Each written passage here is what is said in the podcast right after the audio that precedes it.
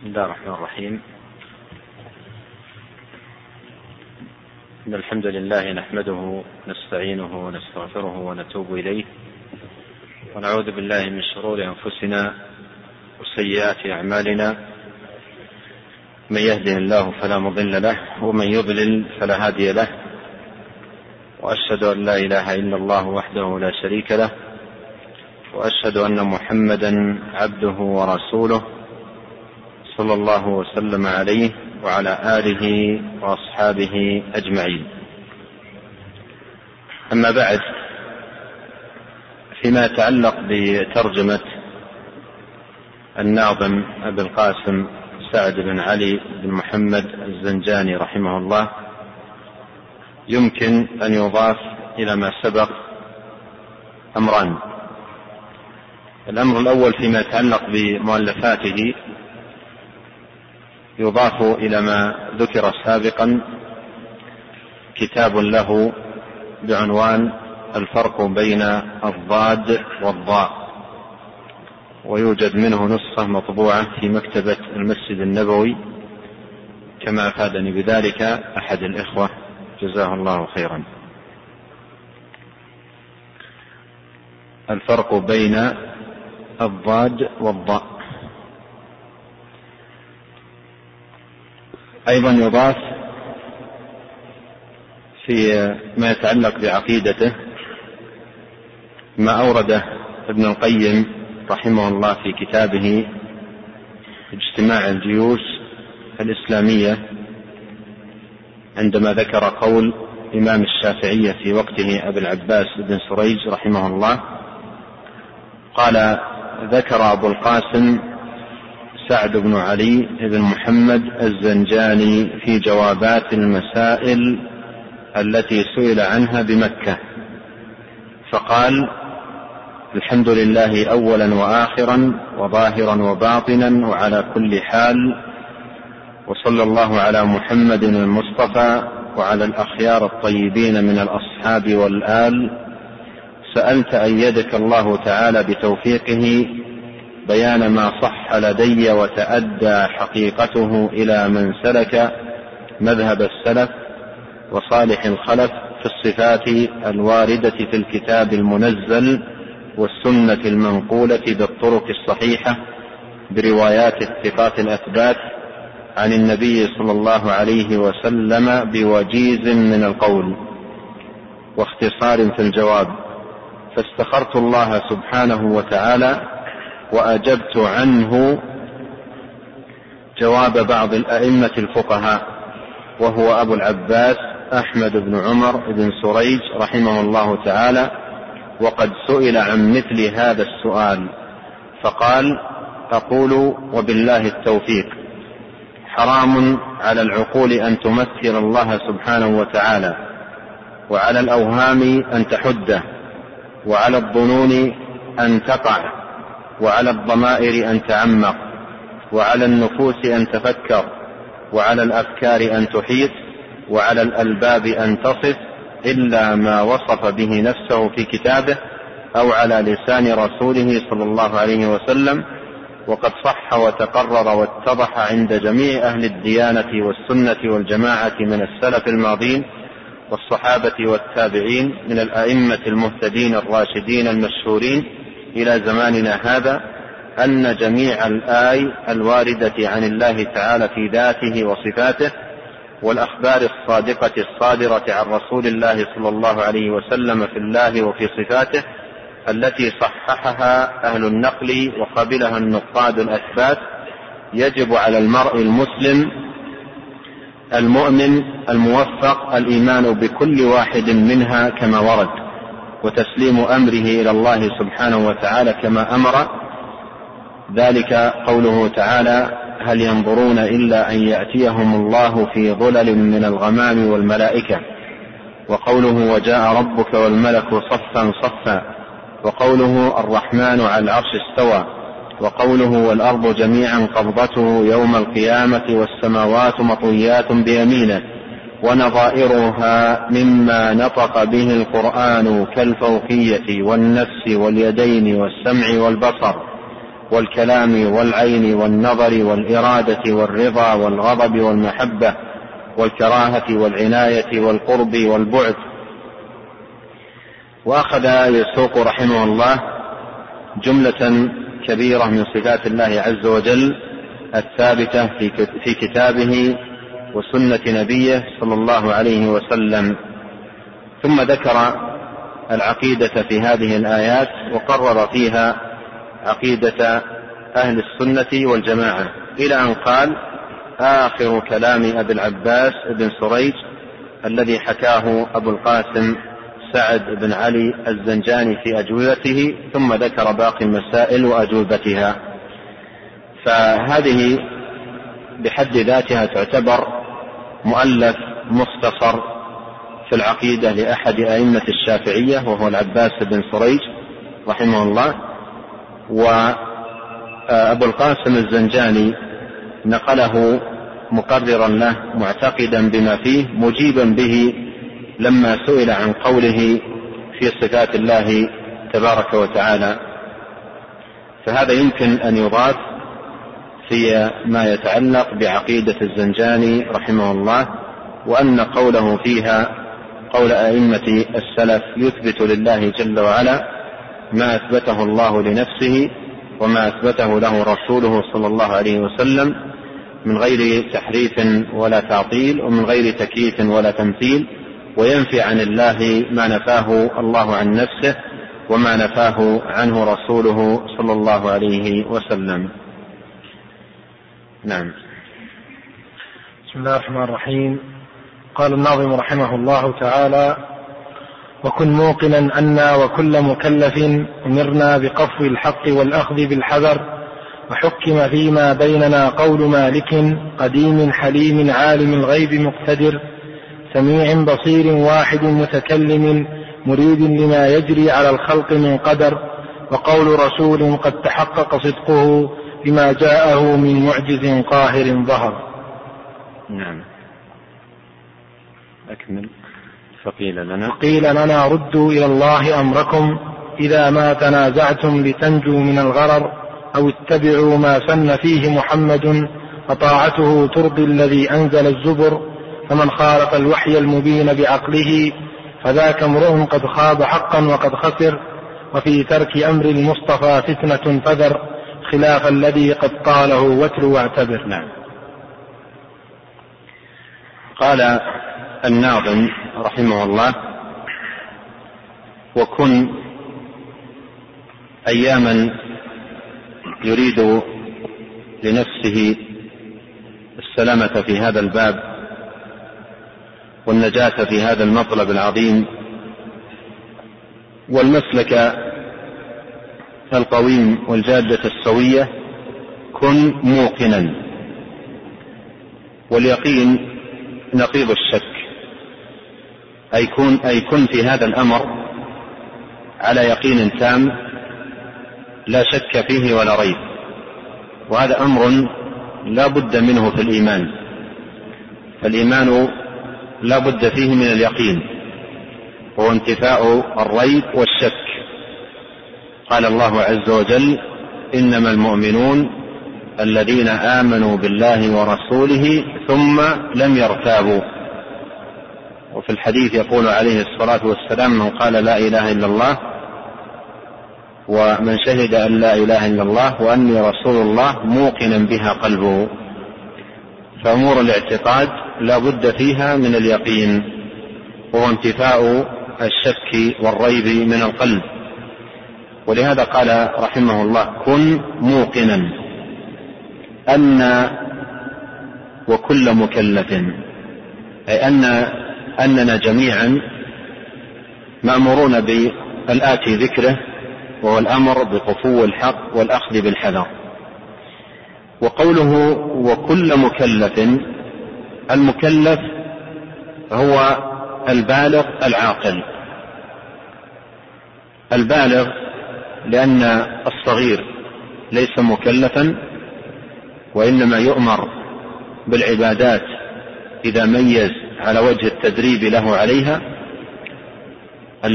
هذا البالغ الصغير لا لا يؤمر بالعبادات إلا على وجه التدريب عليها لا على أنه مكلف بها. فالتكليف بعد البلوغ. والعاقل لأن المجنون مرفوع عنه القلم فليس مكلفا. فالمكلف هو البالغ العاقل. فقوله وكن موقنا أن وكل مكلف أي كل من أمر بالتكاليف ودعي للنهوض بها والقيام بها من البالغين العاقلين أمرنا بقفو الحق أمرنا أي أمرنا من أوجدنا وخلقنا. هو الله سبحانه وتعالى أمرنا بقفو الحق وقفو الحق اتباعه. يقال قفى يقفو وهو أن يتبع شيئا وقفوته أي اتبعته. ومنه قول الله تعالى ولا تقف ما ليس لك به علم. فقوله أمرنا بقفو الحق أي باتباع الحق ولزومه والتمسك به. والحق هو دين الله عز وجل الذي شرعه وأمر به في كتابه وسنة رسوله عليه الصلاة والسلام. والله عز وجل يقول وماذا بعد الحق إلا الضلال فالحق هو ما جاء في كتاب الله وسنه نبيه صلوات الله وسلامه عليه. والأخذ بالحذر. الأخذ بالحذر أي الاحتراز والحيطة. وذلك بالبعد عن كل ما خالف الحق وناقضه أو كل ما ينقص الحق أو يضعفه. فواجب على من من الله عليه بالحق ولزومه أن يحذر تمام الحذر من نواقضه ونواقصه. ولهذا كان عليه الصلاة والسلام يجمع بين هذين الأمرين في أحاديثه الأمر بلزوم الحق والتحذير من نقيضه أو ما يضاده أو ما يضعفه. ومن ذلكم قوله عليه الصلاة والسلام أما بعد فإن أصدق الحديث كلام الله وخير الهدى هدى محمد صلى الله عليه وسلم وشر الأمور محدثاتها. فذكر الخير مرغبا فيه وذكر الشر محذرا منه.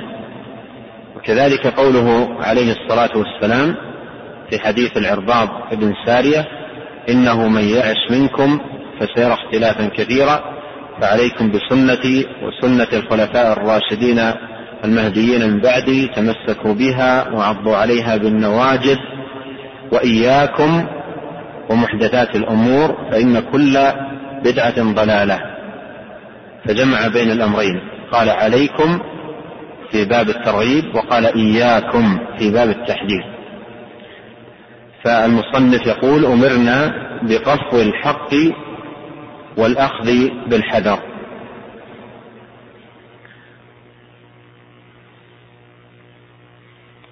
وحكم فيما بيننا قوله وحكم معطوف على قوله أمرنا أمرنا بكذا وحكم فيما بيننا. حكم فيما بيننا أي جعل حكما فيما بيننا ومعولا لنا في أمورنا ومرجعا لنا في مسائلنا وفي خلافنا حكم فيما بيننا قول الله وقول رسوله. قول الله سبحانه وتعالى هو كلامه عز وجل القرآن الكريم. وقول رسوله الآتي عند الناظم رحمه الله في البيت السادس هو معطوف على قوله وقول مالك. فحكم بيننا كتاب الله وسنة نبيه صلى الله عليه وسلم. وقوله رحمه الله قول مالك في إثبات القول لله تبارك وتعالى وأنه عز وجل يقول والله يقول الحق جل وعلا وقوله حق ففيه إثبات القول لله جل وعلا. ثم ذكر جملة من أسماء الله وصفاته مشيرا بها إلى تعظيم قوله. وأن قوله تبارك وتعالى ليس كقول أي أحد فعده لهذه الجملة من أسماء الله وصفاته جاء بها منبها على أن قول الله عز وجل ليس كقول أي أحد. وهذا معنى قول أحد السلف الفرق بين كلام الله وكلام المخلوقين كالفرق بين الخالق والمخلوقين.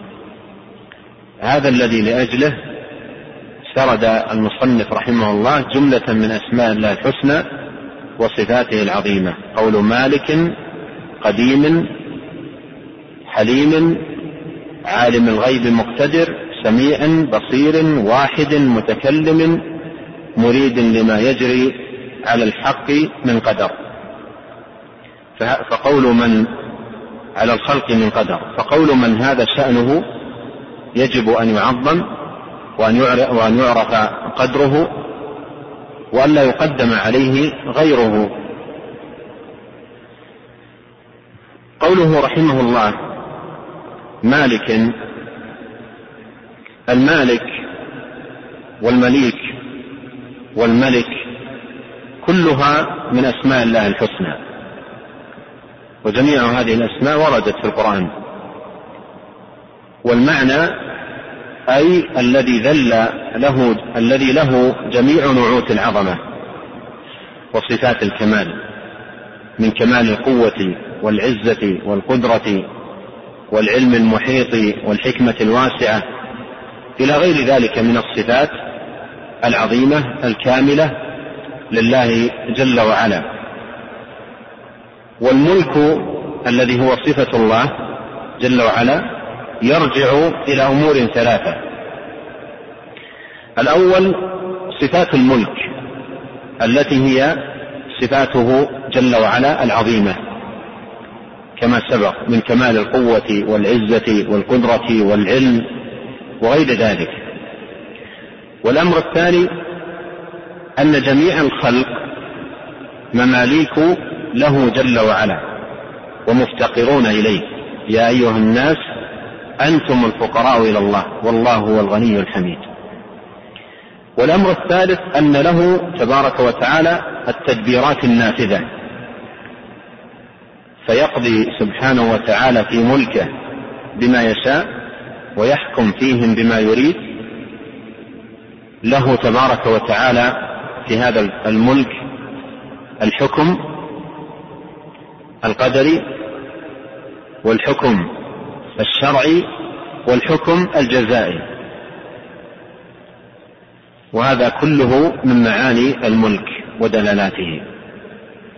وقوله قديم قديم القديم ليس من أسماء الله الحسنى ولا يطلق على الله تبارك وتعالى إلا من باب الخبر. وإنما من أسمائه تبارك وتعالى الأول. من أسمائه تبارك وتعالى الأول والأول ليس مثل القديم. اسمه الأول ليس مثل اسم القديم. لأن القديم قد يكون قبله شيء ومنه قوله حتى عاد كالعرجون القديم. ولهذا قالوا القدم نوعان مطلق ونسبي. أما الأول فليس قبله شيء. أما الأول فليس قبله شيء. قال صلى الله عليه وسلم اللهم أنت الأول فليس قبلك شيء. ولهذا احتاط الإمام الطحاوي رحمه الله في متنه المعروف عندما أخبر عن الله تبارك وتعالى بهذا اللفظ القديم فقال رحمه الله قديم بلا ابتداء قديم بلا ابتداء. فقوله بلا ابتداء هذا احتياط لأن هذا اللفظ الذي يخبر عن الله تبارك وتعالى به ليس كلفظ الأول وإنما القدم قد يكون مطلق وقد يكون مسبوق فيكون قدمه نسبي أي بالنسبة إلى غيره. ولهذا قال قديم بلا ابتداء. وقول الناظم رحمه الله حليم الحليم من أسماء الله الحسنى. قال الله تعالى واعلموا أن الله غفور حليم. أي الذي له الحلم الكامل الذي وسع الخليقة كلها. ومن حلمه تبارك وتعالى أنه يمهل الكفار والعصاة فلا يعجلهم بالعقوبة. ولو شاء لأخذهم بذنوبهم فور صدورها منهم. فهذا من حلمه تبارك وتعالى. ومن حلمه ما ذكره عز وجل في قوله إن الله يمسك السماوات والأرض أن تزولا ولئن زالتا إن أمسكهما من أحد من بعده إنه كان حليما غفورا. وقول الناظم عالم الغيب أي الذي يعلم السر وأخفى ويعلم ما أكنته الصدور وما توسوس به النفوس ويعلم ما فوق السماوات العلى وما تحت الثرى. فهو عالم الغيب. والمراد بالغيب أي بالنسبة لنا أما في حقه تبارك وتعالى فليس هناك غيب. فالغيب عنده شهادة والسر عنده علانية لا تخفى عليه خافية. فعالم الغيب أي عالم أي عالم ما غاب عنا العالم بما غاب عنا أما هو تبارك وتعالى لا يغيب عنه شيء. وهو مطلع تبارك وتعالى على كل شيء على السر وأخفى على الغيب والشهادة لا تخفى عليه تبارك وتعالى خافية. فالغيب أي بالنسبة لنا. قال عز وجل وعنده مفاتح الغيب لا يعلمها إلا هو ويعلم ما في البر والبحر وما تسقط من ورقة إلا يعلمها ولا حبة في ظلمات الأرض ولا رطب ولا يابس إلا في كتاب مبين. وقد جاء في الحديث الصحيح عن النبي صلى الله عليه وسلم أنه قال مفاتح الغيب خمس لا يعلمها إلا الله ثم تلا قول الله تبارك وتعالى إن الله إن الله عنده علم الساعة وينزل الغيث. وقوله مقتدر المقتدر من أسماء الله الحسنى. وقد ورد هذا الاسم في القرآن الكريم في أربعة مواضع. منها قول الله عز وجل إن المتقين في جنات ونهر في مقعد صدق عند مليك مقتدر.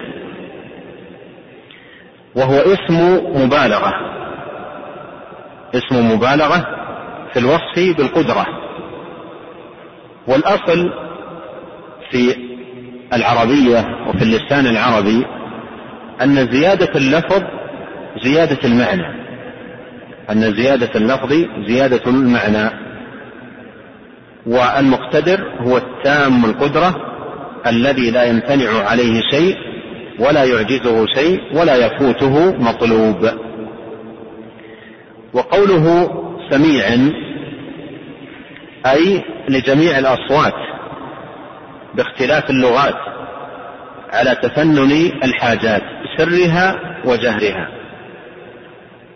سواء منكم من أسر القول ومن جهر به ومن هو مستخف بالليل وسارب بالنهار. والله جل وعلا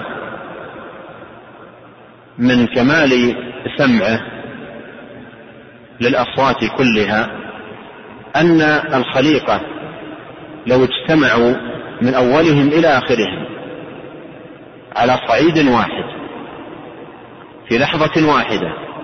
وتكلموا في لحظة واحدة. كل بلغته. وكل بحاجته. وكل يعرض مسألته. لسمع تبارك وتعالى أصواتهم أجمعين. دون أن يختلط عليه صوت بصوت. ولا لغة بلغة. ولا حاجة بحاجة. ولهذا قالت أم المؤمنين عائشة رضي الله عنها سبحان الذي وسع سمعه الأصوات. ومن الشواهد على هذا المعنى حديث أبي ذر الحديث القدسي الذي يقول فيه رب العالمين يا, يا, يا عبادي لو أن أولكم وآخركم وإنسكم وجنكم قاموا في صعيد واحد فسألوني فأعطيت كل واحد منهم مسألته ما نقص ذلك من ملكي شيئا إلا كما ينقص المخيط إذا غمس في البحر. وقوله رحمه الله بصير. البصير أيضا من أسماء الله تبارك وتعالى الحسنى وقد جمع بينه وبين الاسم الذي قبله في آيات كثيرة منها قوله عز وجل ليس كمثله شيء وهو السميع البصير.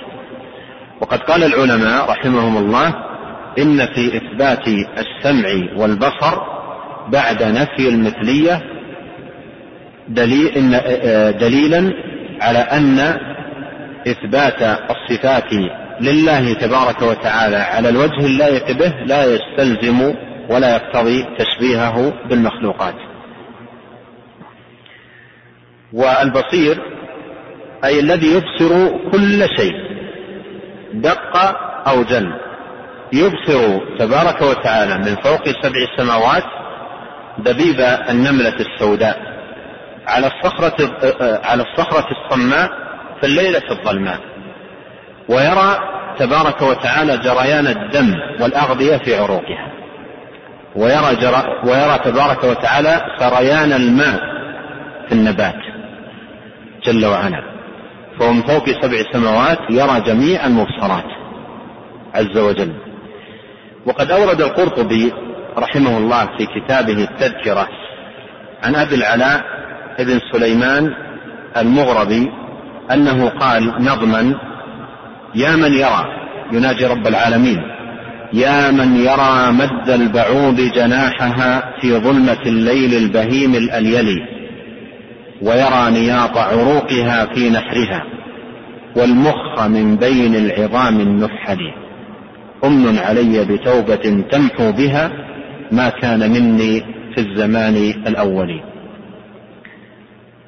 وقوله قول الناظم واحد الواحد هذا من أسماء الله الحسنى وقد تكرر وروده في القرآن في مواضع كثيرة جدا منها قوله تعالى وإلهكم إله واحد وقوله وما من إله إلا الله الواحد القهار وقوله أأرباب متفرقون خير أم الله الواحد القهار وهو اسم دال على وحدانية الله عز وجل أي أنه سبحانه هو المتفرد بصفات المجد والجلال المتوحد بنعوت العظمة والكبرياء والجمال فهو واحد في ذاته لا شبيه له واحد في صفاته لا مثيل له واحد في أفعاله لا شريك له واحد في ألوهيته فليس له ند في المحبة والذل والخضوع وجميع معاني العبودية.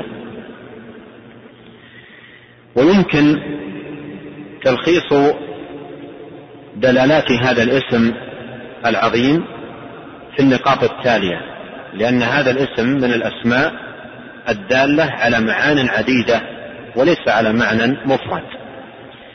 فيمكن أن نلخص دلالات هذا الاسم في النقاط التالية. الواحد وهو يدل على الوحدانية وكذلك اسمه الأحد الدال على الأحدية. فيمكن تلخيص ما يدل عليه هذان الاسمان في نقاط.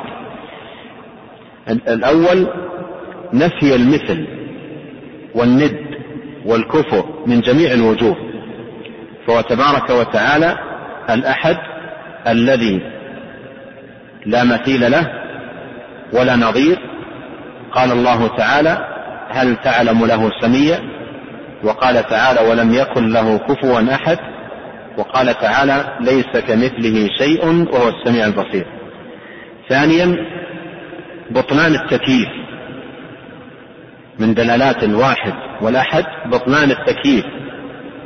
وهو خوض الإنسان بعقله القاصر محاولا معرفة كيفية صفات الرب سبحانه وهذا محال. لأن الرب سبحانه متوحد بصفات الكمال متفرد بنعوت العظمة والجلال فلا يشاركه فيها مشارك وليس له فيها شبيه أو مثيل فأن للعقول أن تعرف كنه صفاته سبحانه. بل كل ما يخطر بالبال من الكمال فالله بخلاف ذلك بل أعظم وأجل. ثالثا إثبات جميع صفات الكمال بحيث لا يفوته منها صفة بحيث لا يفوته منها صفة ولا نعت. دال على الجلال والجمال والتفرد. دال على جلاله وكماله وتفرده عز وجل بالكمال المطلق الذي لا نقص فيه بوجه من الوجوه. رابعا أن له من كل صفة من تلك الصفات أعظمها وغايتها ومنتهاها. قال عز وجل وأن إلى ربك المنتهى. فله من السمع أكمله ومن البصر أكمله ومن كل صفة أكمل وصف وأتمه كما قال سبحانه ولله المثل الأعلى. خامسا تنزهه سبحانه عن النقائص والعيوب إذ هي تلحق أوصاف المخلوقين. أما الأحد سبحانه فقد تفرد بالكمال والعظمة والجلال بلا شبيه ولا مثال. ولهذا قال تعالى في تنزيه نفسه عن الولد سبحانه هو الله الواحد القهار. سادسا وجوب الإقرار بتفرده سبحانه بالكمال المطلق في ذاته وصفاته وأفعاله واعتقاد ذلك في القلب. وهذا هو التوحيد العلمي. سابعا وجوب إفراده سبحانه وحده بالعبادة وإخلاص الدين له. وكما أنه عز وجل تفرد سبحانه بالخلق والرزق والعطاء والمنع والخفض والرفع والإحياء والإماتة فالواجب أن يفرد وحده بالعبادة. ثامنا الرد على المشركين وجميع صنوف المبطلين ممن لم يقدروا الله حق قدره ولم يقروا له بتفرده وكماله فاتخذوا معه الشركاء وضربوا له الأمثال وظنوا به ظن السوء وانتقصوا جناب الربوبية وناقضوا مقصود الخلق وهو التوحيد وإفراد الله بالذل والخضوع وسائر أنواع العبادة. فهذه ثمانية أمور يدل عليها اسمه الأحد وكذلك اسمه الواحد. الأحد يدل على أحديته والواحد يدل على وحدانيته تبارك وتعالى. وقول الناظم رحمه الله متكلم هذا من باب الإخبار عن الله عز وجل. فلا يقال من أسماء الله المتكلم لأن أسماء الله عز وجل كلها حسنى. ومن شروط إطلاق الاسم على الله أن يكون متضمنا لمدح كامل مطلق. والكلام الذي هو راجع إلى الأمر والنهي منقسم إلى أمر بما هو موافق للحكمة وإلى أمر بغير ذلك. والكلام صفة كمال لله تبارك وتعالى فيثبت له الكلام وأنه عز وجل يتكلم متى شاء بما شاء وكلامه بحرف وصوت وكلامه صفة له تبارك وتعالى ليس بمخلوق.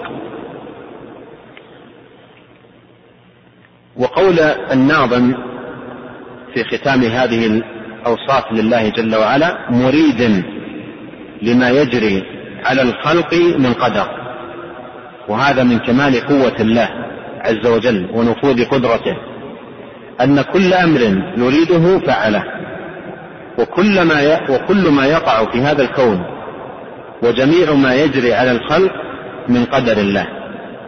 فالله مريد له إرادة كونية قدرية. وجميع الكائنات منقادة لمشيئته وإرادته لا راد لحكمه ولا معقب لقضائه له القدرة الشاملة والمشيئة النافذة. قوله رحمه الله وقول رسول. عرفنا أن هذا معطوف على ما قبله أي حكم فيما بيننا قول الله وقول رسول وهو محمد صلى الله عليه وسلم. قال قول رسول قد تحقق صدقه أي قد علم صدقه بلا ريب ولا شك. بل إنه كان في مجتمعه وفي نشأته يعرف بين قومه بالصادق الأمين. فصدقه صلى الله عليه وسلم أمر متحقق ولم يكن أحد يرتاب في صدقه. فمنذ نشأته وهو ناشئ على الصدق لا يعرف الكذب إليه صلى الله عليه وسلم سبيلا منذ نشأ ولم يحفظوا عنه كذبا. ولا يعرف عنه كذب. وكان معروفا بينهم بالصادق الأمين. كانوا يصدقونه في أحاديث لكنه لما جاءهم بدين الله عز وجل الذي بعثه به رب العالمين والشواهد على صدقه لهم بادية والأمارات على ذلك ظاهرة امتنع من امتنع منهم وأخذوا يصفونه بالكذب وبالافتراء على الله عز وجل وبالقول على الله وبالسحر وبغير ذلك من من الألقاب مع أنه كان معروف عندهم بالصدق. وقول الناظم هنا قول رسول قد تحقق صدقه فيه تأكيد على أنه عليه الصلاة والسلام صادق مصدوق صادق فيما يقوله في كل ما يقوله فهو لا ينطق عن الهوى مصدوق يصدقه ربه ويؤيده ويحميه وينصره ويحفظه فهو صادق في في حديثه مصدوق يصدقه ربه تبارك وتعالى ويؤيده. قال قد تحقق صدقه أي علم حقا ويقينا صدقه صلى الله عليه وسلم.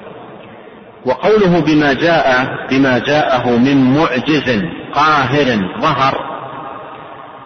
مراد المصنف مراد الناظم بذلك الإشارة إلى أحد الشواهد والدلائل على صدق الرسول وهو المعجزات.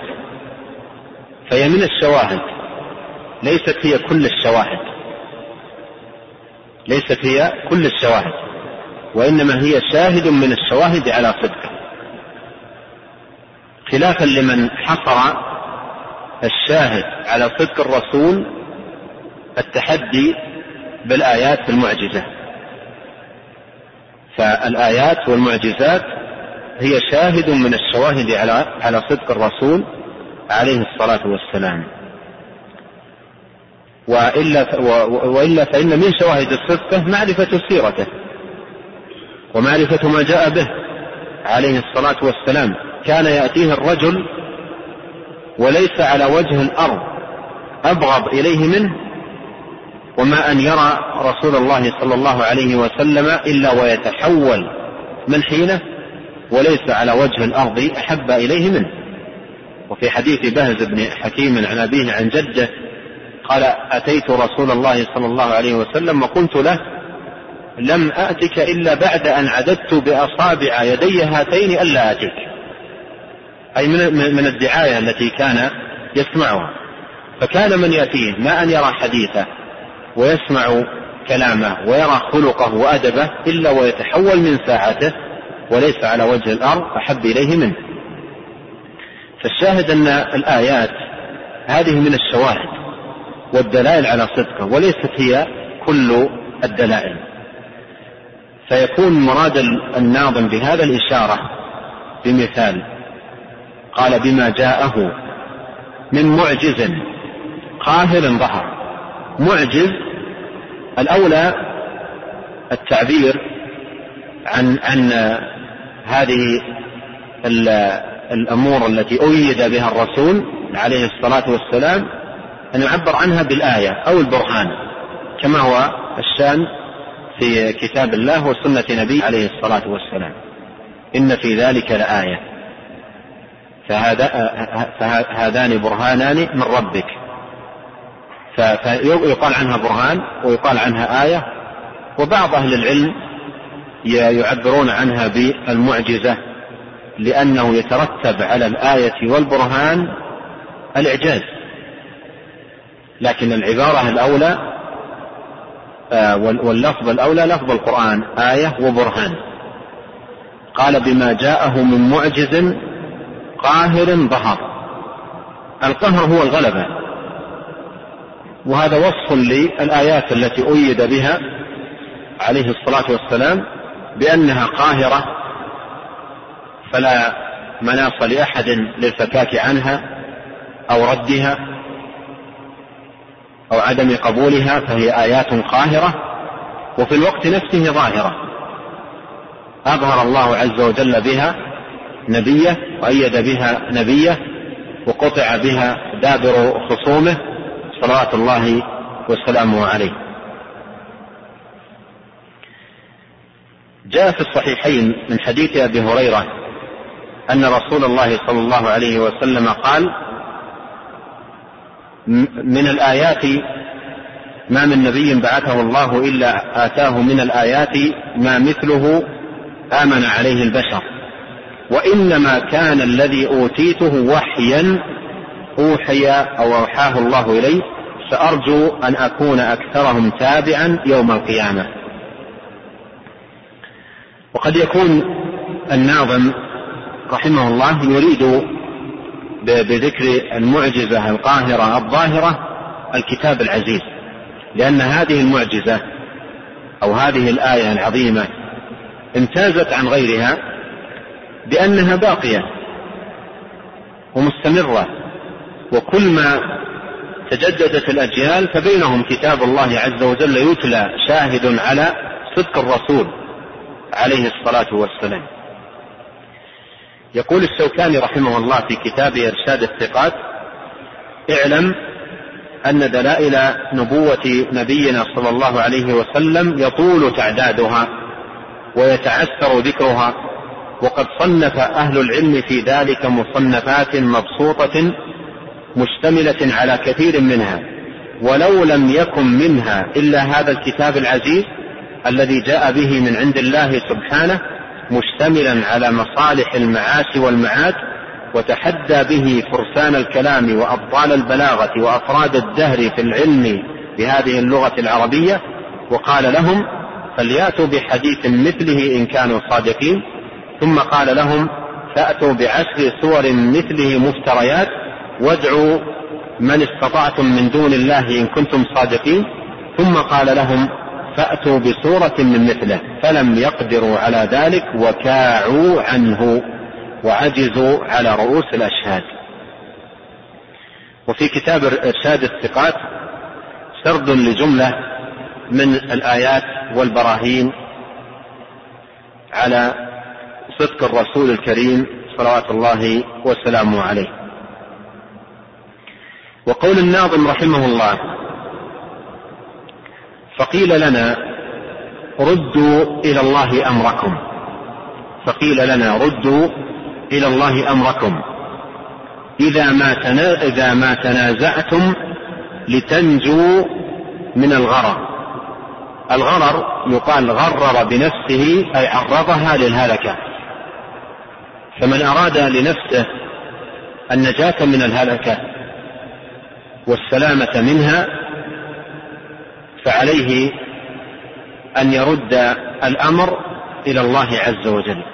قيل لنا أي في كتاب الله عز وجل ردوا إلى الله أمركم إذا ما تنازعتم.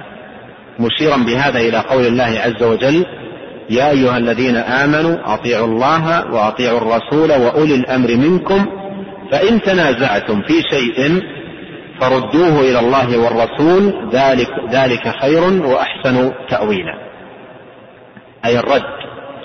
ذلكم خير وأحسن تأويلا. أي الرد إلى كلام الله وكلام رسوله عليه الصلاة والسلام. خير وأحسن تأويلا. خير لكم من أن تردوا إلى عقولكم القاصرة أو آرائكم الضعيفة أو فهومكم أو نحو ذلك. فخير لكم أن يكون ردكم في النزاع والخصومات إلى كلام الله. قيل لنا ردوا إلى الله أمركم. إذا ما تنازعتم. لماذا؟ لتنجوا من الغرر. أي ليكون بذلك نجاتكم من الغرر. والنجاة من الغرر الإشارة إليها في قوله ذلكم خير وأحسن تأويلا. فنجاة الإنسان وخيريته وسلامته إنما تكون برد الرد إلى الله والرد إلى رسوله. قال أو اتبعوا ما سن فيه محمد. اتبعوا أي فيما تنازعتم فيه ما سن فيه محمد أي ما كان آه، آه، لكم فيه سنة عن محمد صلى الله عليه وسلم. وأيضا آه، الإشارة في هذا إلى الآية ردوه إلى الله والرسول. قد قال أهل العلم الرد إلى الله. الرد إلى كتابه والرد إلى الرسول صلى الله عليه وسلم الرد إلى سنته. قال فطاعته أي الرسول صلى الله عليه وسلم بلزوم أمره والتقيد بما جاء به صلى الله عليه وسلم ترضي الذي أنزل الزبر. أن ينال بها العبد رضا الله تبارك وتعالى فيرضى عنه ربه. وقوله الذي أنزل الزبر المراد بالزبر أي الكتب المنزلة. والزبر جمع زبور وهو الكتاب الذي زبر فيه الكلام وجمع فيه الكلام. وهو اسم يطلق على جميع الكتب لا لكنه كتاب أو صحف داود عليه الصلاة والسلام اشتهرت بذلك وآتينا داود زبورا. فالزبر هي الكتب المنزلة وفي قوله الذي أنزل في إشارة إلى أن كتب الله عز وجل كلها منزلة منه فهي تنزيل رب العالمين. قال فمن خالف الوحي المبين بعقله فذاك امرؤ قد خاب حقا وقد خسر. من خالف الوحي المبين أي من ارتكب في أموره وأعماله وشؤونه ما يخالف الوحي مقدما عقله على كلام ربه وكلام رسوله عليه الصلاة والسلام فذاك امرؤ قد خاب حقا وقد خسر. أي لم يحصل في عمله هذا إلا الخيبة والخسران. الخاسر ضد الرابح فهو لم يربح ولم يحصل إلا الخسران ولم يحصل أيضا إلا الخيبة في الدنيا والآخرة. فجمع بين هذين الأمرين الخيبة والخسران. فذاك امرؤ قد خاب حقا وقد خسر. وفي هذا البيت تنبيه للمصنف تنبيه من المصنف رحمه الله على بطلان ما عليه المتكلمين قاطبة تنبيه على بطلان ما عليه المتكلمين قاطبة بجميع طوائفهم وكل فئاتهم. فكل من يقدم عقله على كلام الله وكلام رسوله عليه الصلاة والسلام فهو خائب خاسر. لا ينال من طريق علم الكلام غاية محمودة وعقيدة راشدة ودينا صحيحا بل لا ينال من طريق علم الكلام إلا الشكوك الباطلة والريب. كما هو الحال الذي وصل إليه المتكلمون وأعرضوا عنه بعد خوض طويل في علم الكلام والشواهد على ذلك في كلامهم كثيرة لكن أجتزئ بالإشارة إلى قول واحد منهم وهو الغزالي في كتاب إحياء علوم الدين. عقد فصلا فيه حذر فيه من علم الكلام تحذيرا شديدا. ثم لما حذر من علم الكلام قال لو سمعت هذا الكلام من محدث لقلت الناس أعداء ما جهلوا. يعني لكون علماء الحديث يجهلون علم الكلام ذموه. ولكن خذ هذا الكلام يعني خذ ذم علم الكلام من رجل سبر علم الكلام وبلغ منتهى. وبلغ منتهى. وخرج بنتيجة قررها في كتابه إحياء علوم الدين. قال فالوصول إلى الحق عن طريق علم الكلام مسدود. الوصول إلى الحق عن طريق علم الكلام مسدود يعني مغلق. ما يمكن تصل إلى الحق من طريق علم الكلام. والعجيب أنه في إحياء علوم الدين الذي قرر فيه هذه الحقيقة عقد فصلا في العقائد كله مبني على علم الكلام. يعني كله سار فيه مع نفس الطريق الذي أخبر هو عنه أنه مسدود فلم يبني على آية من كتاب الله ولا على حديث عن رسول الله صلى الله عليه وسلم وإنما بناه على عقليات المتكلمين. أخبر عن الطريق أنه مغلق ومشى معه وأخذ طائفة من الناس معه في ذاك الطريق المغلق مع علمه بأن وتقريره بأن الطريق إلى الحق من خلال علم الكلام طريق مغلق مسدود فالناظم يدرك هذه يدرك هذا الأمر ويدرك الضياع الذي حل بالمتكلمين. يدرك الضياع الذي حل بالمتكلمين والفساد العريض الذي توصلوا إليه بسبب علم الكلام فعقد هذا البيت العظيم محذرا من علم الكلام. قال فمن خالف الوحي المبين بعقله فذاك امرؤ قد خاب حقا وقد خسر. وإذا كان المرجع في الأمور إلى العقل إذا كان المرجع في الأمور إلى العقل فما فائدة بعثة الرسل؟ إذا كان المرجع في الأمور العقل ما فائدة بعثة الرسل؟ ولهذا قال بعض العلماء في الرد على هؤلاء قال مقتضى ذلك قال مقتضى ذلك أن يقول الواحد منهم أشهد أن عقلي رسول الله. إذا إذا كان العمدة عنده عقله والمقدم عنده عقلهم فما فائدة بعثة الرسل؟ ثم إذا قيل إن العمدة العقل يأتي السؤال في غاية الأهمية وهو عقل من؟ إذا كان المقدم العقل والمعول على العقل فعقل من؟ العقول كثيرة ومتفاوتة.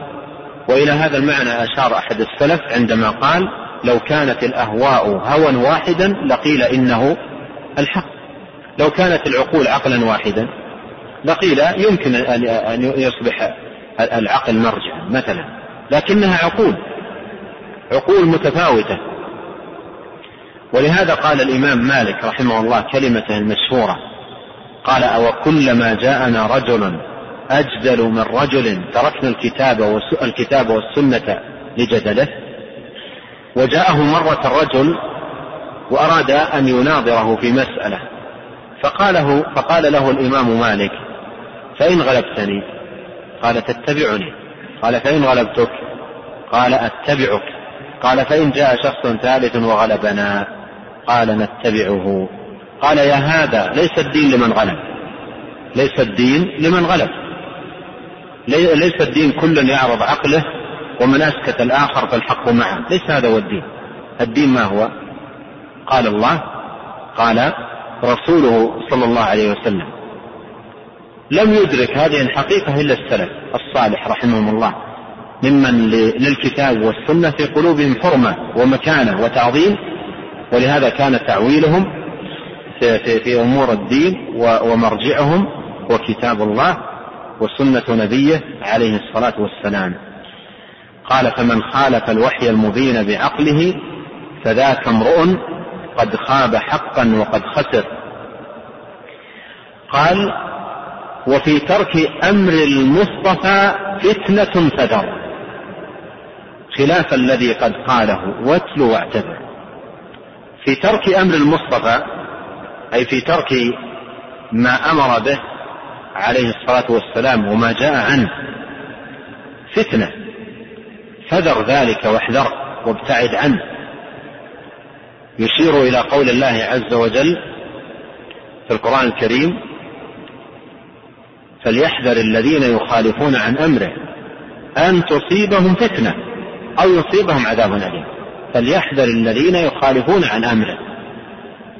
أي عن أمر الرسول عليه الصلاة والسلام أن تصيبهم فتنة أو يصيبهم عذاب أليم. قال الإمام أحمد رحمه الله أتدري ما الفتنة؟ الفتنة الشك أو الشرك.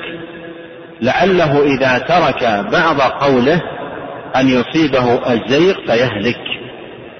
إذا ترك بعض قول الرسول عليه الصلاة والسلام فما بالكم بمن ترك كل قول الرسول عليه الصلاة والسلام وقدم عقله القاصر وفكره الضعيف. قال وفي ترك أمر المصطفى فتنة فذر خلاف الذي قد قاله. يعني اترك كل أمر خلاف ما قد قاله الرسول عليه الصلاة والسلام. فلتكن معظما لكلام الرسول عليه الصلاة والسلام مقدما له ولا تقدم عليه قول أحد كائنا من كان. ابن عباس رضي الله عنهما لما أفتى في الحج بالتمتع ووجوبه وقيل له إن أبا بكر وعمر يريان الإفراد. قال يوشك أن تنزل عليكم حجارة من السماء. أقول قال رسول الله صلى الله عليه وسلم وتقولون قال أبو بكر وعمر. الإمام أحمد لما بلغه عن أقوام يذهبون إلى قول لسفيان الثوري قال كلمة المشهورة عجبت لقوم عرفوا الإسناد وصحته؟ يقولون قال سفيان أو كلمة نحو هذه هذا إذا كان أخذ بقول هؤلاء فكيف بمن أخذ بأقوال من لا حظ لهم؟ أو لا يبلغ مبلغ أولئك بالفقه والبصيرة في دين الله تبارك وتعالى. فمن خالف الوحي قال وفي ترك أمر المصطفى فتنة فذر خلاف الذي قد قاله أي قد قاله الرسول عليه الصلاة والسلام واتلو أي كلامه متأملا متدبرا متفقها متبصرا واعتذر. أي بما جاء به رسول الله صلى الله عليه وسلم. وليكن لك في كلام الرسول عليه الصلاة والسلام عظة وعبرة. وليكن لك فيه كفاية وغنية. ونكتفي بهذا القدر والله أعلم. وصلى الله وسلم على نبينا محمد. أيضا أحب أن أشير قبل أن أختم فيما يتعلق بالموضع الذي أشار فيه أشار فيه الناظم إلى صفات الله عز وجل. فذكر جملة من أسماء الله عز وجل وصفاته في قوله ما قول مالك قديم حليم عالم غيب مقتدر سميع بصير واحد متكلم مريد لما يجري على الخلق من قدر. ابن القيم رحمه الله في كتابه اجتماع الجيوش الإسلامية. أشار إلى هذه المنظومة فذكر البيت الأول منها. قال رحمه الله وممن صرح بالفوقية بالذات إمام الشافعية في وقته سعد بن علي الزنجاني قال صرح بالفوقية بالذات فقال وهو فوق عرشه بوجود ذاته. هذا لفظه. وهو إمام إمام في السنة له قصيدة فيها معروفة أولها تمسك بحبل الله واتبع الأثر ودع عنك رأيا لا يلائمه خبر. وقال في شرحه هذه القصيدة أي الزنجاني وهذا الجزء الذي يورده ابن القيم ليس موجودا عندنا في الشرح لأن الشرح الذي وقفنا عليه مبتور من أوله. وأظن أن هذا الموضع الذي نقله ابن القيم يتعلق بالموضع الذي شرحته لكم الذي فيه ذكر صفات الله سبحانه وتعالى. فقد نقل ابن القيم رحمه الله عن الزنجاني أنه قال والصواب عند أهل الحق أن الله تعالى خلق السماوات والأرض وكان عرشه على الماء مخلوقا قبل خلق السماوات والأرض ثم استوى على العرش بعد خلق السماوات والأرض على ما ورد به النص ونطق به القرآن وليس معنى استواؤه أنه ملك ملكه واستولى عليه. لأنه كان مستوليا عليه قبل ذلك أي مالكا له وهو أحدثه لأنه مالك جميع الخلائق ومستول عليها. وليس معنى الاستواء أيضا أنه ماس العرش أو اعتمد عليه أو طابقه فإن كل ذلك ممتنع في وصفه جل ذكره. ولكنه مستو بذاته على عرشه بلا كيف كما أخبر عن نفسه. وقد أجمع المسلمون على أن الله هو العلي الأعلى ونطق بذلك القرآن بقوله تعالى سبح اسم ربك الأعلى وأن لله علو الغلبة والعلو الأعلى من سائر وجوه العلو لأن العلو صفة مدح عند كل عاقل. فثبت بذلك أن لله علو الذات وعلو الصفات وعلو القهر والغلبة. وجماهير المسلمين وسائر الملل قد وقع منهم الإجماع على الإشارة إلى الله جل ثناؤه من جهة الفوق في الدعاء والسؤال. فاتفاقهم بأجمعهم على الإشارة إلى الله سبحانه من جهة الفوق حجة ولم يستجز أحد الإشارة إليه من جهة الأسفل. ولا من سائر الجهات سوى جهة الفوق. وقال تعالى يخافون ربهم من فوقهم. وقال تعالى إليه يصعد الكلم الطيب والعمل الصالح يرفعه. وقال تعالى تعرج الملائكة والروح إليه. وأخبر عن فرعون أنه قال يا هامان ابن لي صرحا لعلي أبلغ الأسباب أسباب السماوات فأطلع إلى إله موسى وإني لأظنه كاذبا. وكان فرعون قد فهم عن موسى أنه يثبت إلها فوق السماء. فرعون فهم عن موسى أنه يثبت إلها فوق السماء حتى رام بصرحه أن يطلع إليه واتهم موسى بالكذب في ذلك. ومخالفنا يقول الزنجاني ومخالفنا يعني من أهل الكلام ومخالفنا ليس يعلم أن الله فوق بوجود ذاته فهو أعجز فهما من فرعون. وقد صح عن رسول الله صلى الله عليه وسلم أنه سأل الجارية التي أراد مولاها عتقها أين الله؟ قالت في السماء. وأشارت برأسها. وقال من أنا؟ قال أنت, أنت قالت أنت رسول الله. فقال أعتقها فإنها مؤمنة. فحكم النبي صلى الله عليه وسلم بإيمانها حين قالت إن الله في السماء. وقال الله عز وجل ثم استوى على العرش. وقال تعالى يدبر الأمر من السماء إلى الأرض ثم يعرج إليه. وذكر النبي صلى الله عليه وسلم ما بين كل سماء وسماء وما بين السماء السابعة والعرش ثم قال الله فوق ذلك. وله أجوبة أي الزنجاني سئل عنها في السنة فأجاب عنها بأجوبة أئمة السنة وصدرها بجواب إمام وقته أبي العباس ابن سريج. فهذه فائدة آه، أوردها الزنجاني في شرحه. لهذه المنظومة وقد حفظت بتوفيق الله عز وجل بنقل ابن القيم لها. إذ إنها غير موجودة في الجزء الذي ظفرنا به من شرح الزنجاني رحمه الله لمنظومته.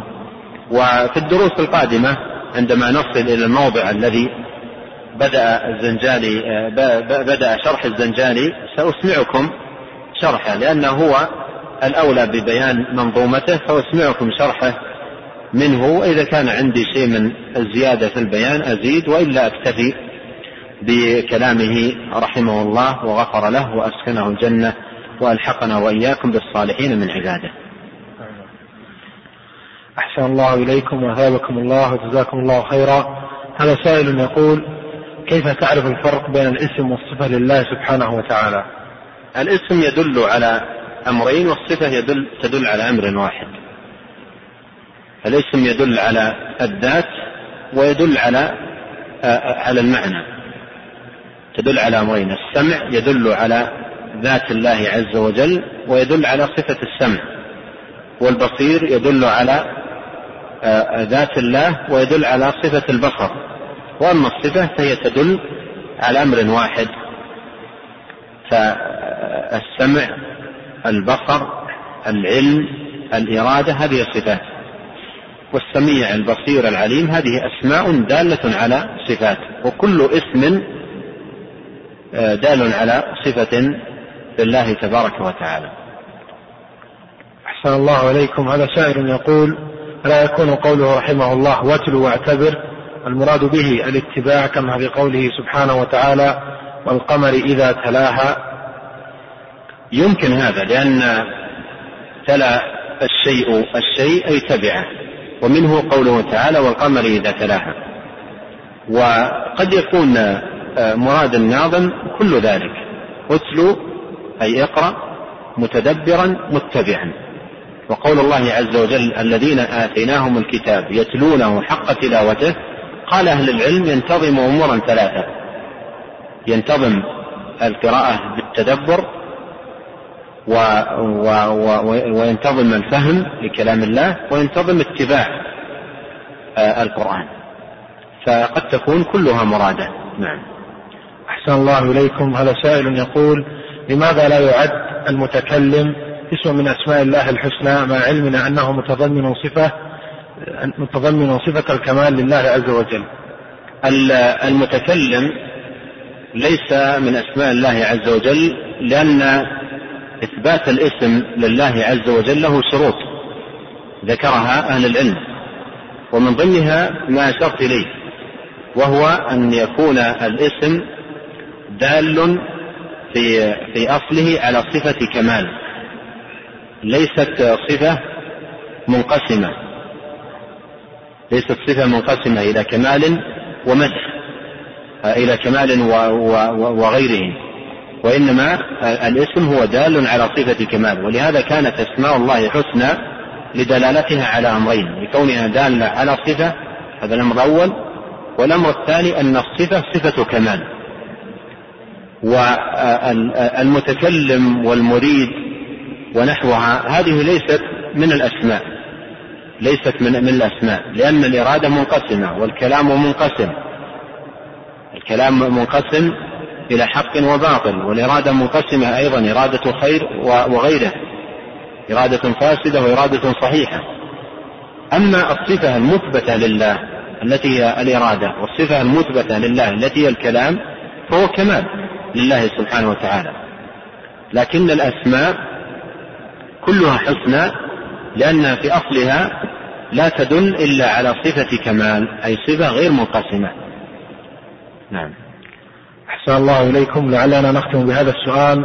هذا سائل يقول أشعر بقلة التوفيق في أموري وتعسرها فيقع في نفسي شيء من اليأس وسوء الظن بالله عز وجل.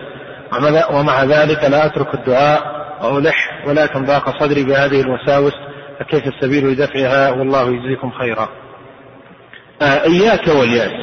فإنه لا ييأس من روح الله إلا القوم الكافرون. إياك واليأس. جاهد الياس بأمور. منها قراءة كلام الله عز وجل وكلام رسوله عليه الصلاة والسلام ولا سيما ما يتعلق بأمرك.